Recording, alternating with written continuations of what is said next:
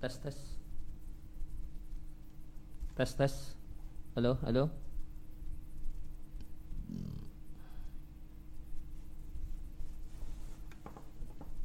Ini udah bisa dimulai Ustaz?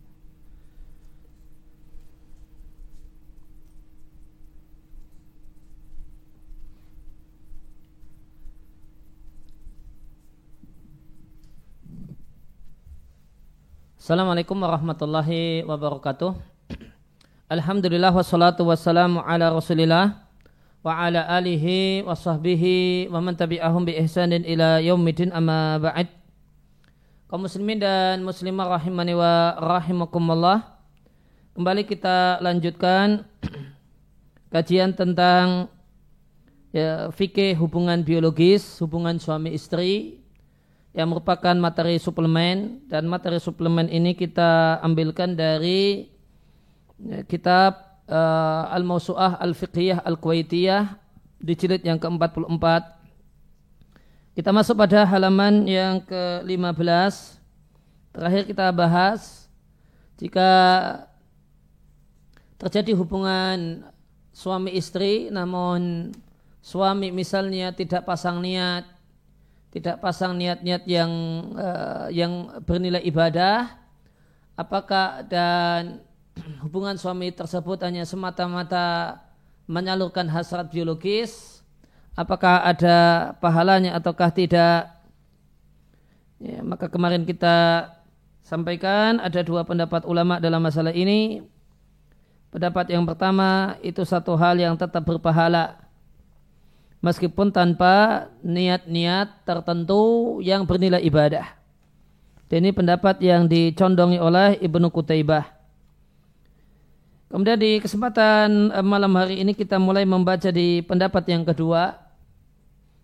Pendapat yang kedua yang dianut oleh sejumlah ulama dan ini adalah pendapat yang dicondongi oleh Ibnu Hajar Al-Haytami Asy-Syafi'i rahimallahu taala Bahasanya jika seorang suami tidaklah pasang niat ketika dia mengumpuli istrinya dengan niat-niat yang ber, bernilai ibadah semacam ya, menjaga kehormatan diri sendiri dari zina dengan memuaskan hasrat biologis atau memuaskan hasrat biologis istri agar istri terjaga dari zina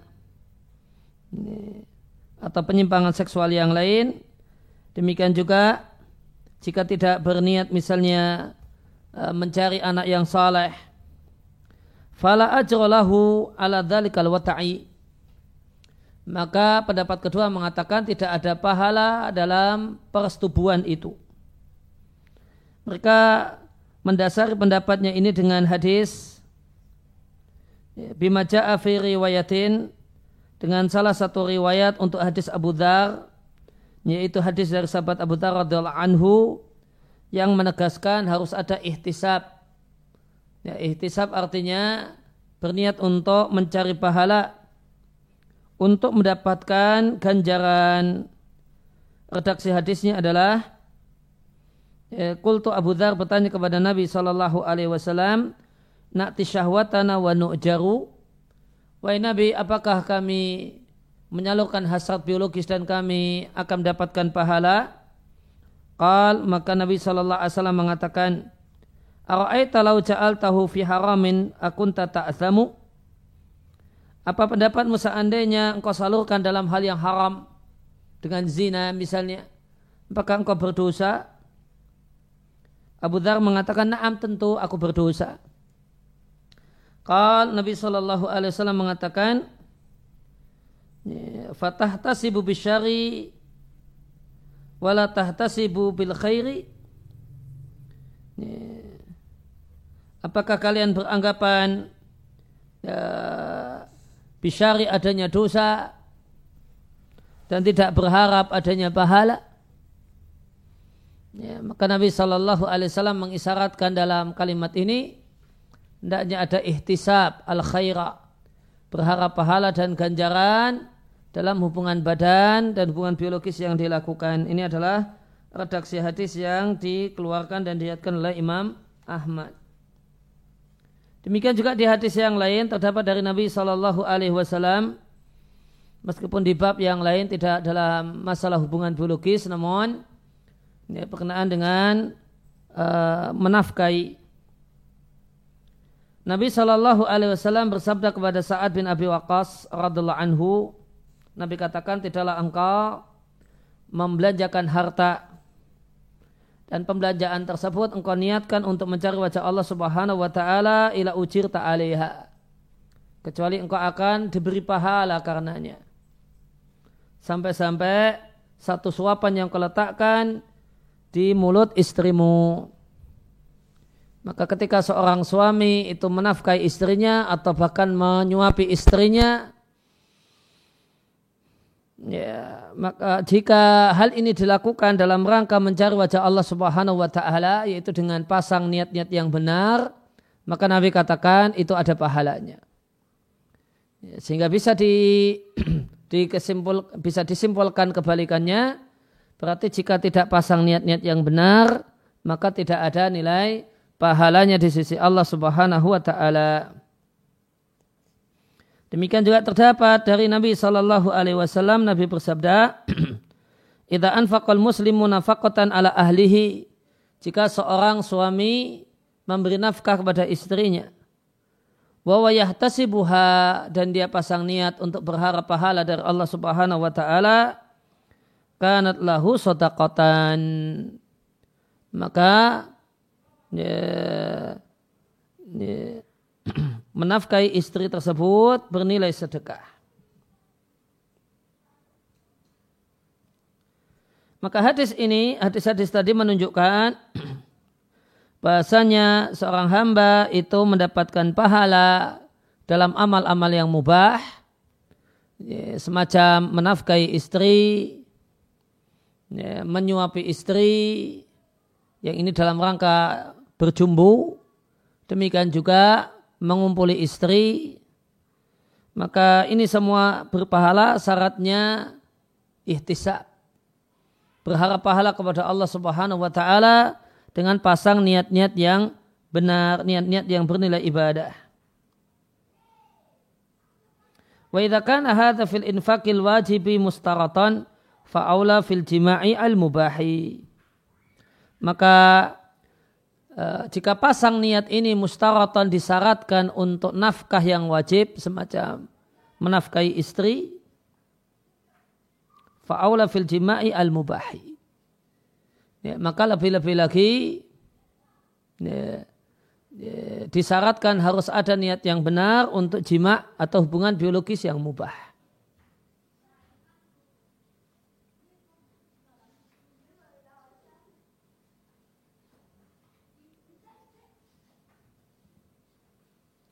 Dan kemudian kita masuki poin pembahasan berikutnya. Ya, poin pembahasan berikutnya adalah ada wata'i wal mustahabbatuhu. Adalah adab, ya, norma ya, ketika melakukan hubungan biologis dan hal-hal yang dianjurkan untuk terjadi dan dilakukan pada saat melakukan hubungan biologis.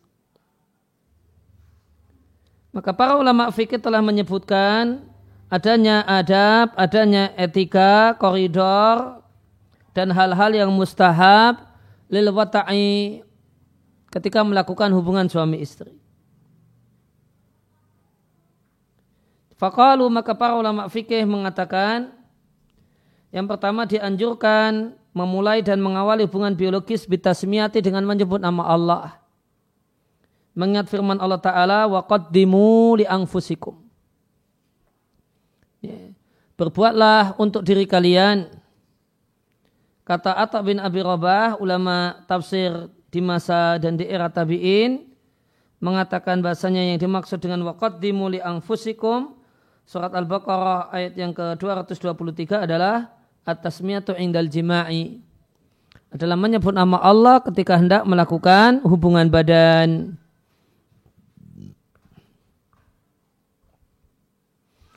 Kemudian dari Ibnu Abbas radhiallahu anhu Rasulullah sallallahu alaihi wasallam bersabda Lau anna ahadahum idza arada ayati ahlahu seandainya salah satu seandainya seseorang yaitu seorang muslim jika seorang suami ketika dia ingin mendatangi istrinya. Ini ketika dia mau menyetubuhi istrinya dia berdoa Bismillahi.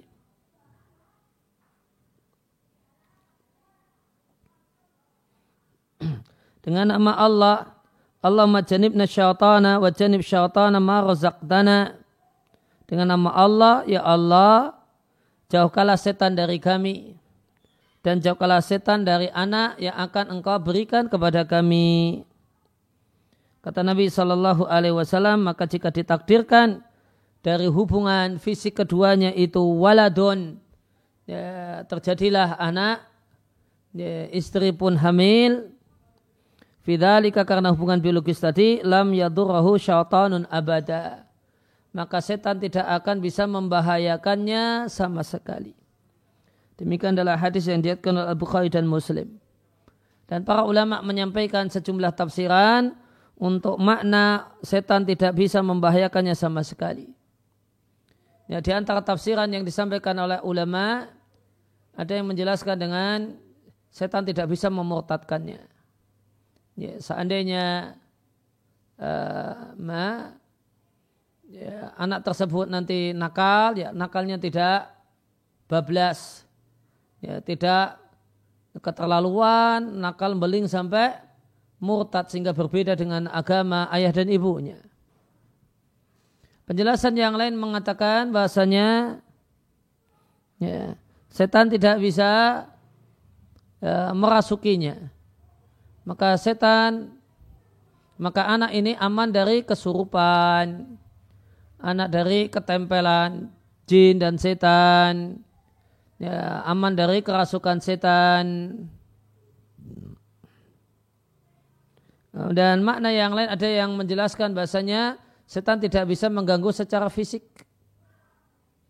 ya, ya, maka setan kemudian menampakkan diri, kemudian mencekeknya atau yang lainnya aman dari hal itu. Ya, ini manfaat yang demikian besar ya, yang ya, dengan amal yang ringan. Yang membaca doa ini tentu tidak sampai satu menit. Boleh jadi tidak sampai setengah menit. Bismillahirrahmanirrahim. Nasyaitana wa janib syaitana ma razaqtana. Kemudian adab yang lainnya, adab yang kedua disampaikan oleh para ulama fikih dianjurkan untuk menyimpang dan tidak menghadap kiblat saat melakukan hubungan biologis. Yeah. Fala yastaqbiluha maka tidak menghadap kiblat ketika melakukan hubungan biologis. Ikraman laha dalam rangka menghormati dan memuliakan arah kiblat ya, sehingga ya, ya, posisi yang aman yang disarankan berdasarkan poin ini adalah ya, antara menghadap utara atau selatan ya. Anjuran semacam ini kalau di catatan kaki disampaikan dijumpai di sejumlah kitab fikih ada Al-Majmu' Ya, berarti madhabnya Syafi'i ada murni dan kasyaful qana dua-duanya madhab Hambali.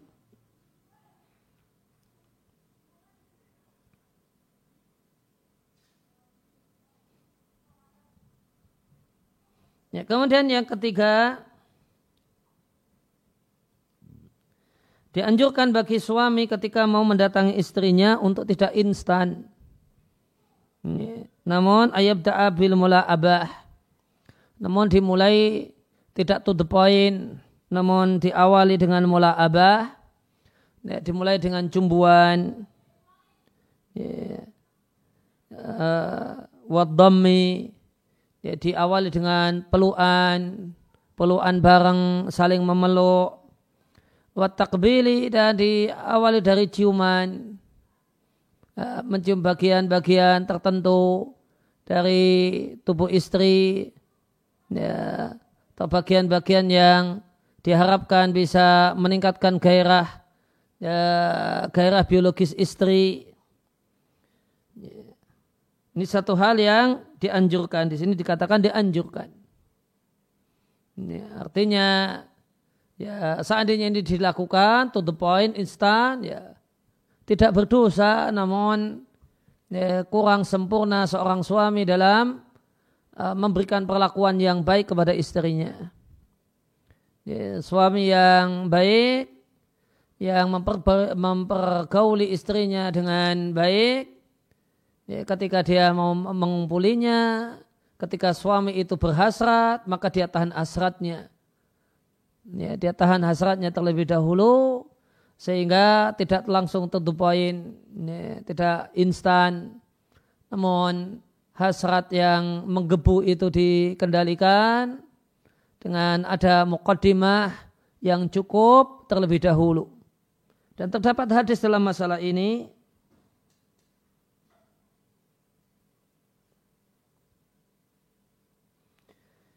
Dari Jabir bin Abdullah radhiallahu anhu beliau mengatakan Nah Rasulullah sallallahu alaihi wasallam anil muwaqa'ati qabla mula'abati. Rasulullah sallallahu alaihi wasallam melarang anil muwaqa'ah terjadinya hubungan biologis qabla mula'abah sebelum ada jumbuan. Nah, hadis ini diriwayatkan oleh Al-Khatib Al-Baghdadi di Tarikh Baghdad. Ya, namun Ad-Dhahabi menukil dari Al-Khalili annahu qala anhu. Misalnya Nabi uh, Al-Khalili mengomentari salah satu perawi hadis ini. Ada salah satu perawinya yang statusnya dhaifun jiddan yang dia meriatkan sejumlah matan teks redaksi yang tidak dikenal. Dan diriatkan dari Al-Hakim bahasanya Beliau menilai bahasanya hadis yang dibawakan oleh perawi tersebut adalah hadis yang gugur, tidak bernilai, dikarenakan dia meriatkan hadis itu.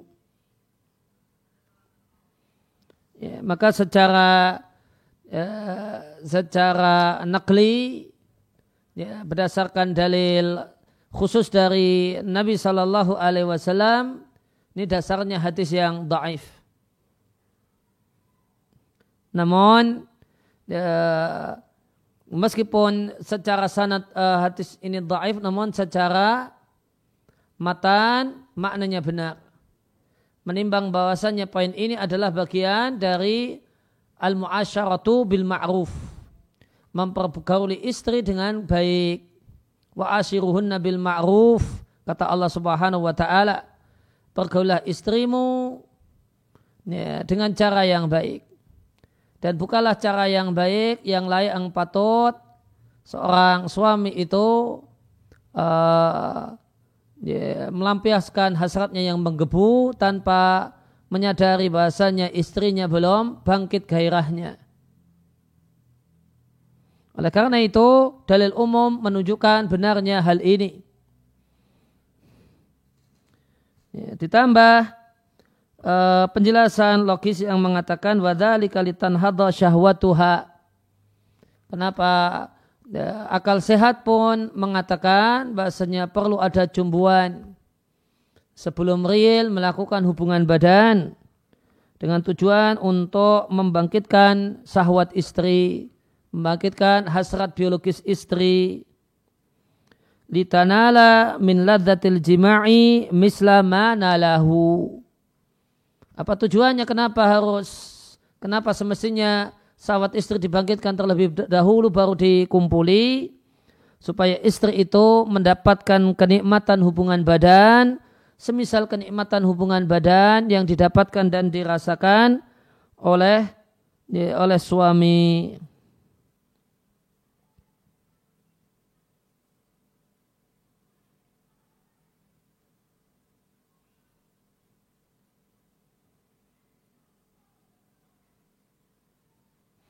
Nah, kemudian di antara adab yang penting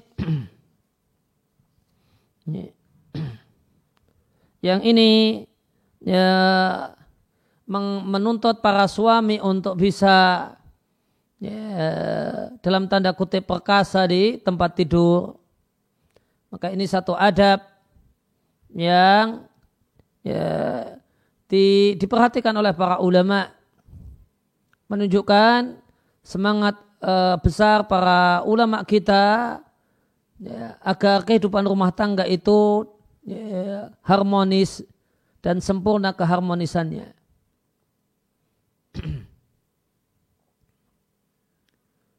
Karena masalah hubungan biologis ini meskipun hubungan biologis ini secara real tidak membutuhkan waktu yang lama, namun waktu yang sebentar ini sangat mempengaruhi suasana rumah tangga. Maka ketika hubungan biologis itu ya, memenuhi, ya, mematuhi eh, adab-adab yang disampaikan oleh para ulama, maka yang sebentar ini, yang 15 menit atau setengah jam ini, itu akan jadi kunci penting kenyamanan hidup dan kebahagiaan hidup di rumah tangga. Dan di antara hal yang uh, dan di antara hal dan faktor yang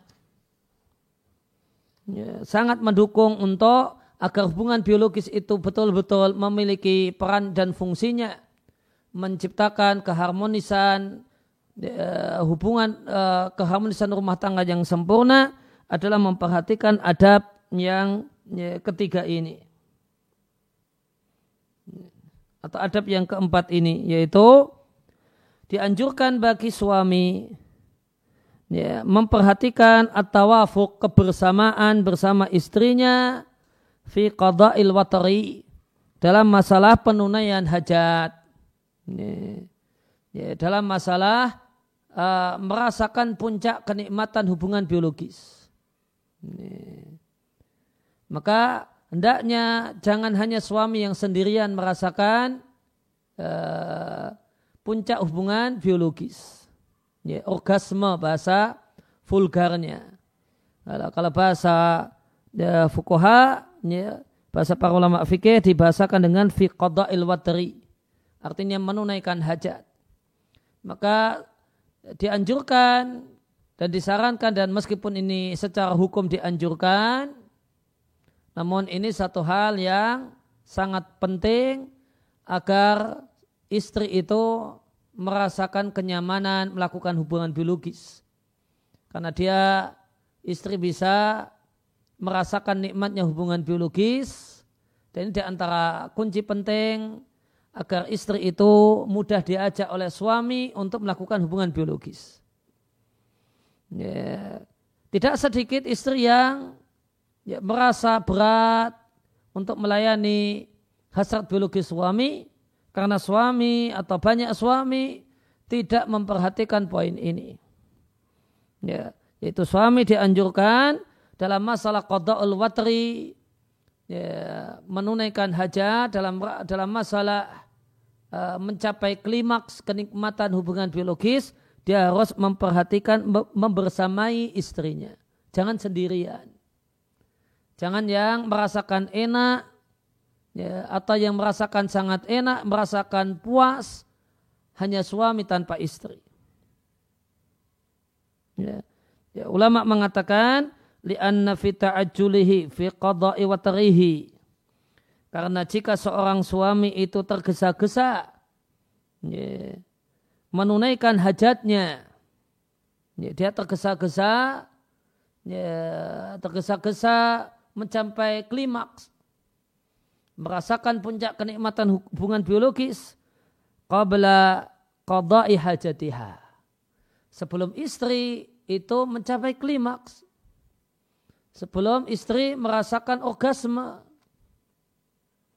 maka tindakan suami yang uh, uh, yang hanya mengutamakan kepentingan kenikmatan dirinya tanpa memperhatikan bagaimanakah istri ini satu hal yang yang berbahaya.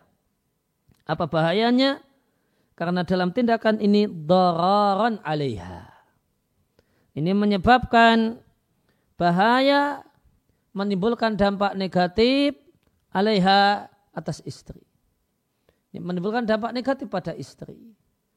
Ya, karena istri tidak merasakan uh, kenikmatan hubungan biologis.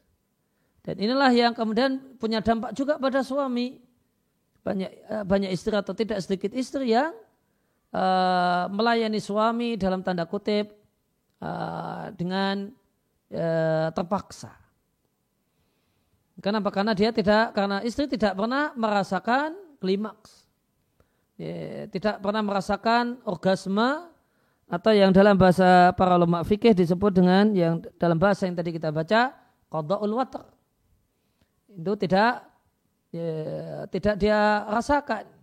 Bahkan bertahun-tahun berumah tangga atau puluhan tahun berumah tangga, dia pun belum merasakannya. Sehingga hubungan biologis itu hanya jadi beban. Ya, hanya jadi beban dan tidak betul-betul dinikmati secara sempurna oleh pihak istri. Maka ini memerlukan daruran alaiha. Ya, dia baru mau sampai klimak, ternyata suaminya sudah berhenti. Nah, timbul kecewa. Ya, timbul kecewa. Timbul kemudian perasaan, ya, saya ini hanya Eh, melayani suami tanpa menikmatinya. Ya. Maka ini nanti jika uh, jika menumpuk perasaan semacam ini bolak-balik kecewa, bolak-balik kecewa, ya, maka ini jadi satu hal yang berbahaya, bisa jadi bom waktu. Ya, oleh karena itu, ya, maka suami dituntut untuk tidak tergesa-gesa. Ya, sehingga dalam hal ini ya, suami yang baik, yang betul-betul um, ya, memperlakukan istri dengan baik, dia harus dalam tanda kutip perkasa. Ya, bisa menahan uh, menahan diri ya, untuk tetap kemudian membersama istri, menemani istri sampai dia merasakan klimaks dan kenikmat puncak kenikmatan hubungan biologis. Nah, baru setelah itu ya barulah suami ya, atau barang dengan suami, barulah suami membersamai istri untuk sama-sama merasakan kenikmatan ya, atau puncak kenikmatan hubungan biologis. Dan ketika suami hanya hanya kemudian mengedepankan kepentingannya dan hasratnya, maka ini di samping ini menimbulkan dampak negatif yaitu kecewa meskipun banyak perempuan menyembunyikannya.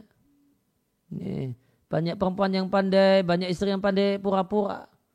Ya, yang sebenarnya dia belumlah merasakan kenikmatan, dia bilang kepada suaminya sudah enak. Padahal sebenarnya belum, sebenarnya dia kecewa. Dan dampak buruk minimalisnya adalah waman allaha min qada'i syahwatiha Ketika suami itu yang terburu-buru ya, tanpa mempertimbangkan istri, maka dia mencegah istri untuk bisa terpenuhinya syahwatnya. Ya, karena jika istri tidak mengalami uh, orgasme, kemudian merasakan uh, puncak hubungan biologis, maka statusnya ya, sahwatnya, sahwat istri ini belum ya, hasrat biologis istri ini belum dipenuhi secara maksimal. Dan terdapat dalam hal ini hadis diriatkan oleh Anas bin Malik radhiallahu anhu marfu'an sabda Nabi sallallahu alaihi wasallam. Idza jama'a ahadukum ahlahu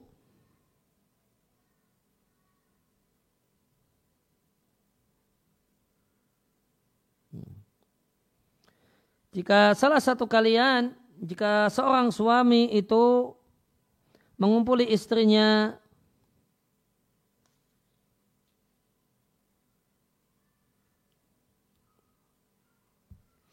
maka hendaklah dia uh,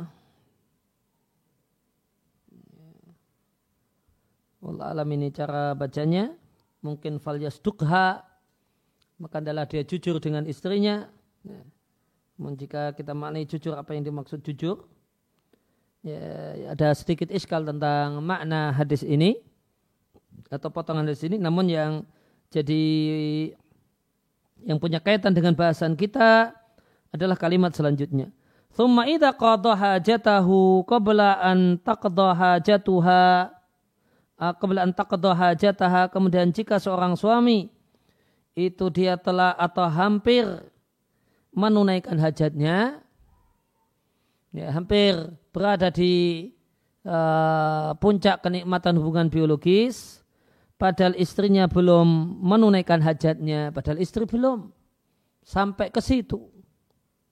Maka Nabi katakan dalam hadis ini, maka janganlah dia tergesa-gesa, maka janganlah suami tergesa-gesa menunaikan hajatnya dengan mengakhiri hubungan biologis tersebut. Hatta taqdah hajataha. Sampai dia ya, sampai suami ini sampai istri itu ya, terpenuhi hajatnya.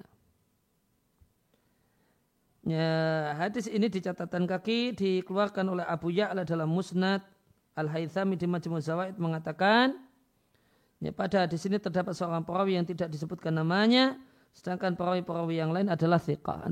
Hadisnya daif.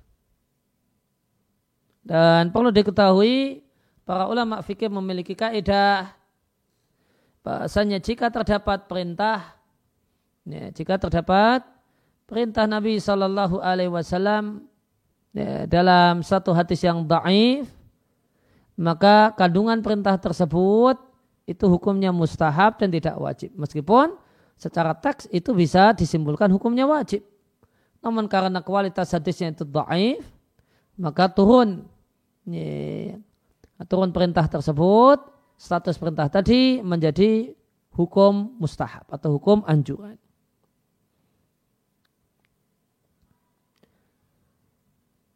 Al-Ghazali uh, Al-Ghazali Abu Hamid Al-Ghazali rahimallahu taala menyampaikan Thumma idza qada Kemudian jika seorang suami itu sudah hampir ya, menunaikan hajatnya, sudah ber, sudah hampir ya, merasakan puncak kenikmatan, falyatamahal maka hendaklah dia bersabar. Membersamai menemani istrinya. Sampai si istri juga menunaikan syahwatnya.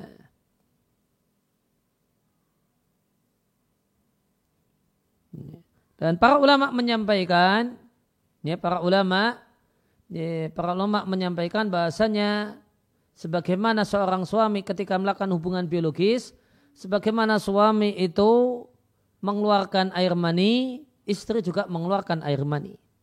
Dan istri itu mengeluarkan air mani ketika dia merasakan orgasme. Ketika dia, dia merasakan ya, ya, puncak kenikmatan hubungan biologis.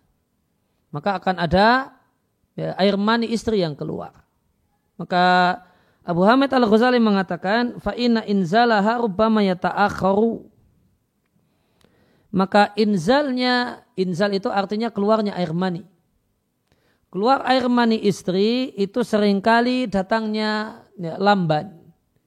Tidak secepat suami. Kalau suami sering kali mudah dan uh, uh, untuk berada di kondisi hampir keluar air maninya. Namun sering kali kalau pihak istri itu ya ta'akhar. Keluar air maninya itu telat. Ya, lebih belakangan dibandingkan suaminya.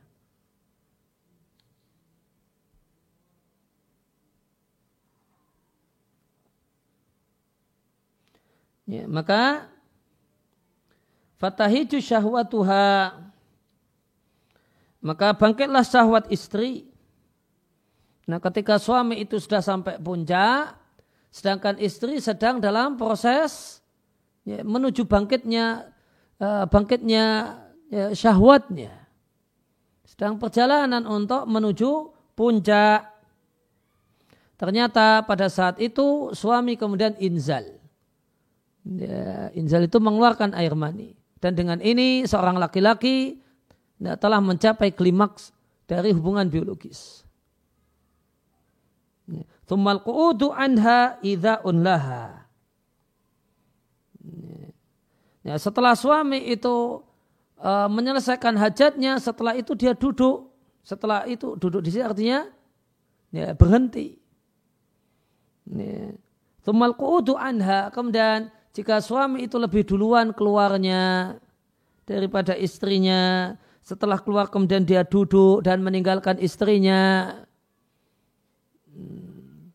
Dan demikian eh, dan demikianlah keadaannya secara umum. Setelah suami itu keluar, maka dia akan menghentikan hubungan biologis. Nah ini kata Abu Hamid Al-Ghazali rahimahullah ta'ala adalah idha'un laha. Adalah bentuk menyakiti istri.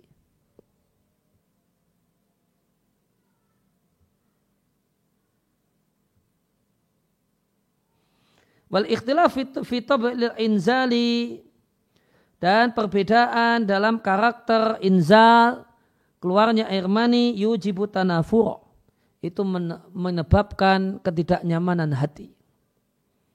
Ya, jadi jika suami duluan, kemudian istri nggak jadi merasakan uh, puncak kenikmatan biologis, ya, timbul kecewa. Kecewa ini, kecewa ini akan bertumpuk-tumpuk, akan jadi akumulasi. Ya, dan ketika ini bertumpuk, maka akan menyebabkan tanafur, ketidaknyamanan. Ya, merasa tidak dipuaskan oleh ya, suami. Nah, tanaf eh, dan tanafur ini terjadi maka perbedaan dalam karakter inzal menyebabkan tanafur ketidaknyamanan. Mah makana zauju sabiqan ila inzal. Yang ini terjadi ketika suami itu lebih dulu daripada istrinya dalam inzal. Inzal artinya keluarnya air mani. Kemudian kata Abu Hamid Al-Ghazali rahimallahu taala, wa tawafuqu fi waqtil inzali aladzu indaha.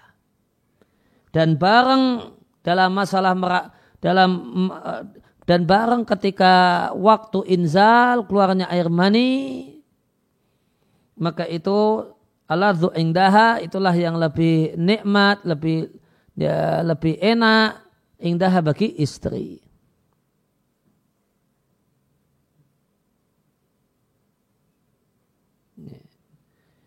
Ya, maka intinya ulama menyampaikan, para ulama kita menyampaikan, ya, ya, suami hendaknya menahan diri, pandai punya kemampuan untuk menahan diri agar tidak cepat inzal, agar tidak cepat menyelesaikan hajatnya. Namun dia kondisikan dirinya agar bisa kuat membersamai istri sampai istri itu pun istri pun uh, dalam kondisi uh, kemudian menikmati dan merasakan nikmatnya hubungan biologis. Kemudian tadi disampaikan, nah idealnya kata Abu Hamid Al Ghazali, ini kalau mau inzal yaitu keluar air mani itu berbarengan antara suami dan istri. Karena itulah yang lebih nikmat, lebih lezat bagi ya, aladzu indaha menurut istri. Nah, maka pelajaran pokok dan pesan yang bisa ditangkap oleh para suami dari uh, dari kalimat dari sejumlah paragraf yang kita baca ini pesan pokoknya suami itu dituntut dalam tanda kutip ya, menjadi seorang yang uh, hendaknya ya, jadi seorang yang kuat ya, ya, seorang yang kuat di pada saat melakukan hubungan uh, hendaknya ya, seorang yang perkasa di kasur ya, dan bentuk keperkasaannya adalah ada kemampuan untuk menahan diri sehingga bisa membersamai istri dalam ya, dalam merasakan puncak kenikmatan hubungan biologis. Kita break karena adzan di masjid terdekat.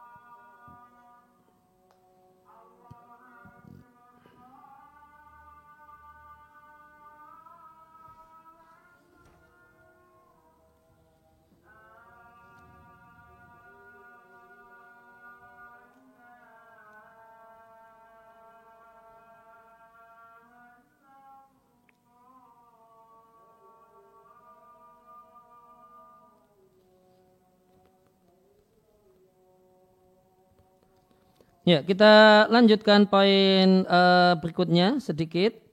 Ya, yang selanjutnya adalah dianjurkan untuk menutupi diri suami dan istrinya dengan selimut atau sejenis itu. Karena diriatkan oleh Utbah ibn Abad bahasanya Rasulullah Wasallam bersabda, jika salah satu suami itu mendatangi istrinya maka adalah dia berselimut dan janganlah keduanya telanjang sebagaimana telanjangnya dua ekor unta. Hadis ini dilihatkan oleh Ibnu Majah, namun sanatnya di catatan kaki disampaikan, sanatnya dinilai daif oleh Al-Busiri. Ini hadisnya daif. Ya, namun uh, di sini terdapat perintah yang perintah ini bisa menghasilkan hukum wajib dan kaidah para ulama fikih ya, perintah yang menghasilkan hukum wajib itu manakala berada dalam hadis yang daif turun menjadi perintah anjuran. Meskipun seandainya telanjang tanpa bertutup selimut, hukumnya boleh sebagaimana perkataan Ibn Qasim, salah satu ulama madhab, ham, uh, madhab maliki, beliau mengatakan tidaklah mengapa uh, seorang suami itu menelanjangi istrinya ingdal jima'i ketika melakukan hubungan biologis. Maka Ibn Qasim mengatakan seandainya uh, dua-duanya telanjang tanpa ditutupi oleh selimut atau yang lainnya maka itu satu hal yang tidak mengapa. Dan satu hal yang mustahab jika ditinggalkan maka hukumnya juga tidak mengapa. Sehingga uh, dua kalimat ini tidaklah bertentangan.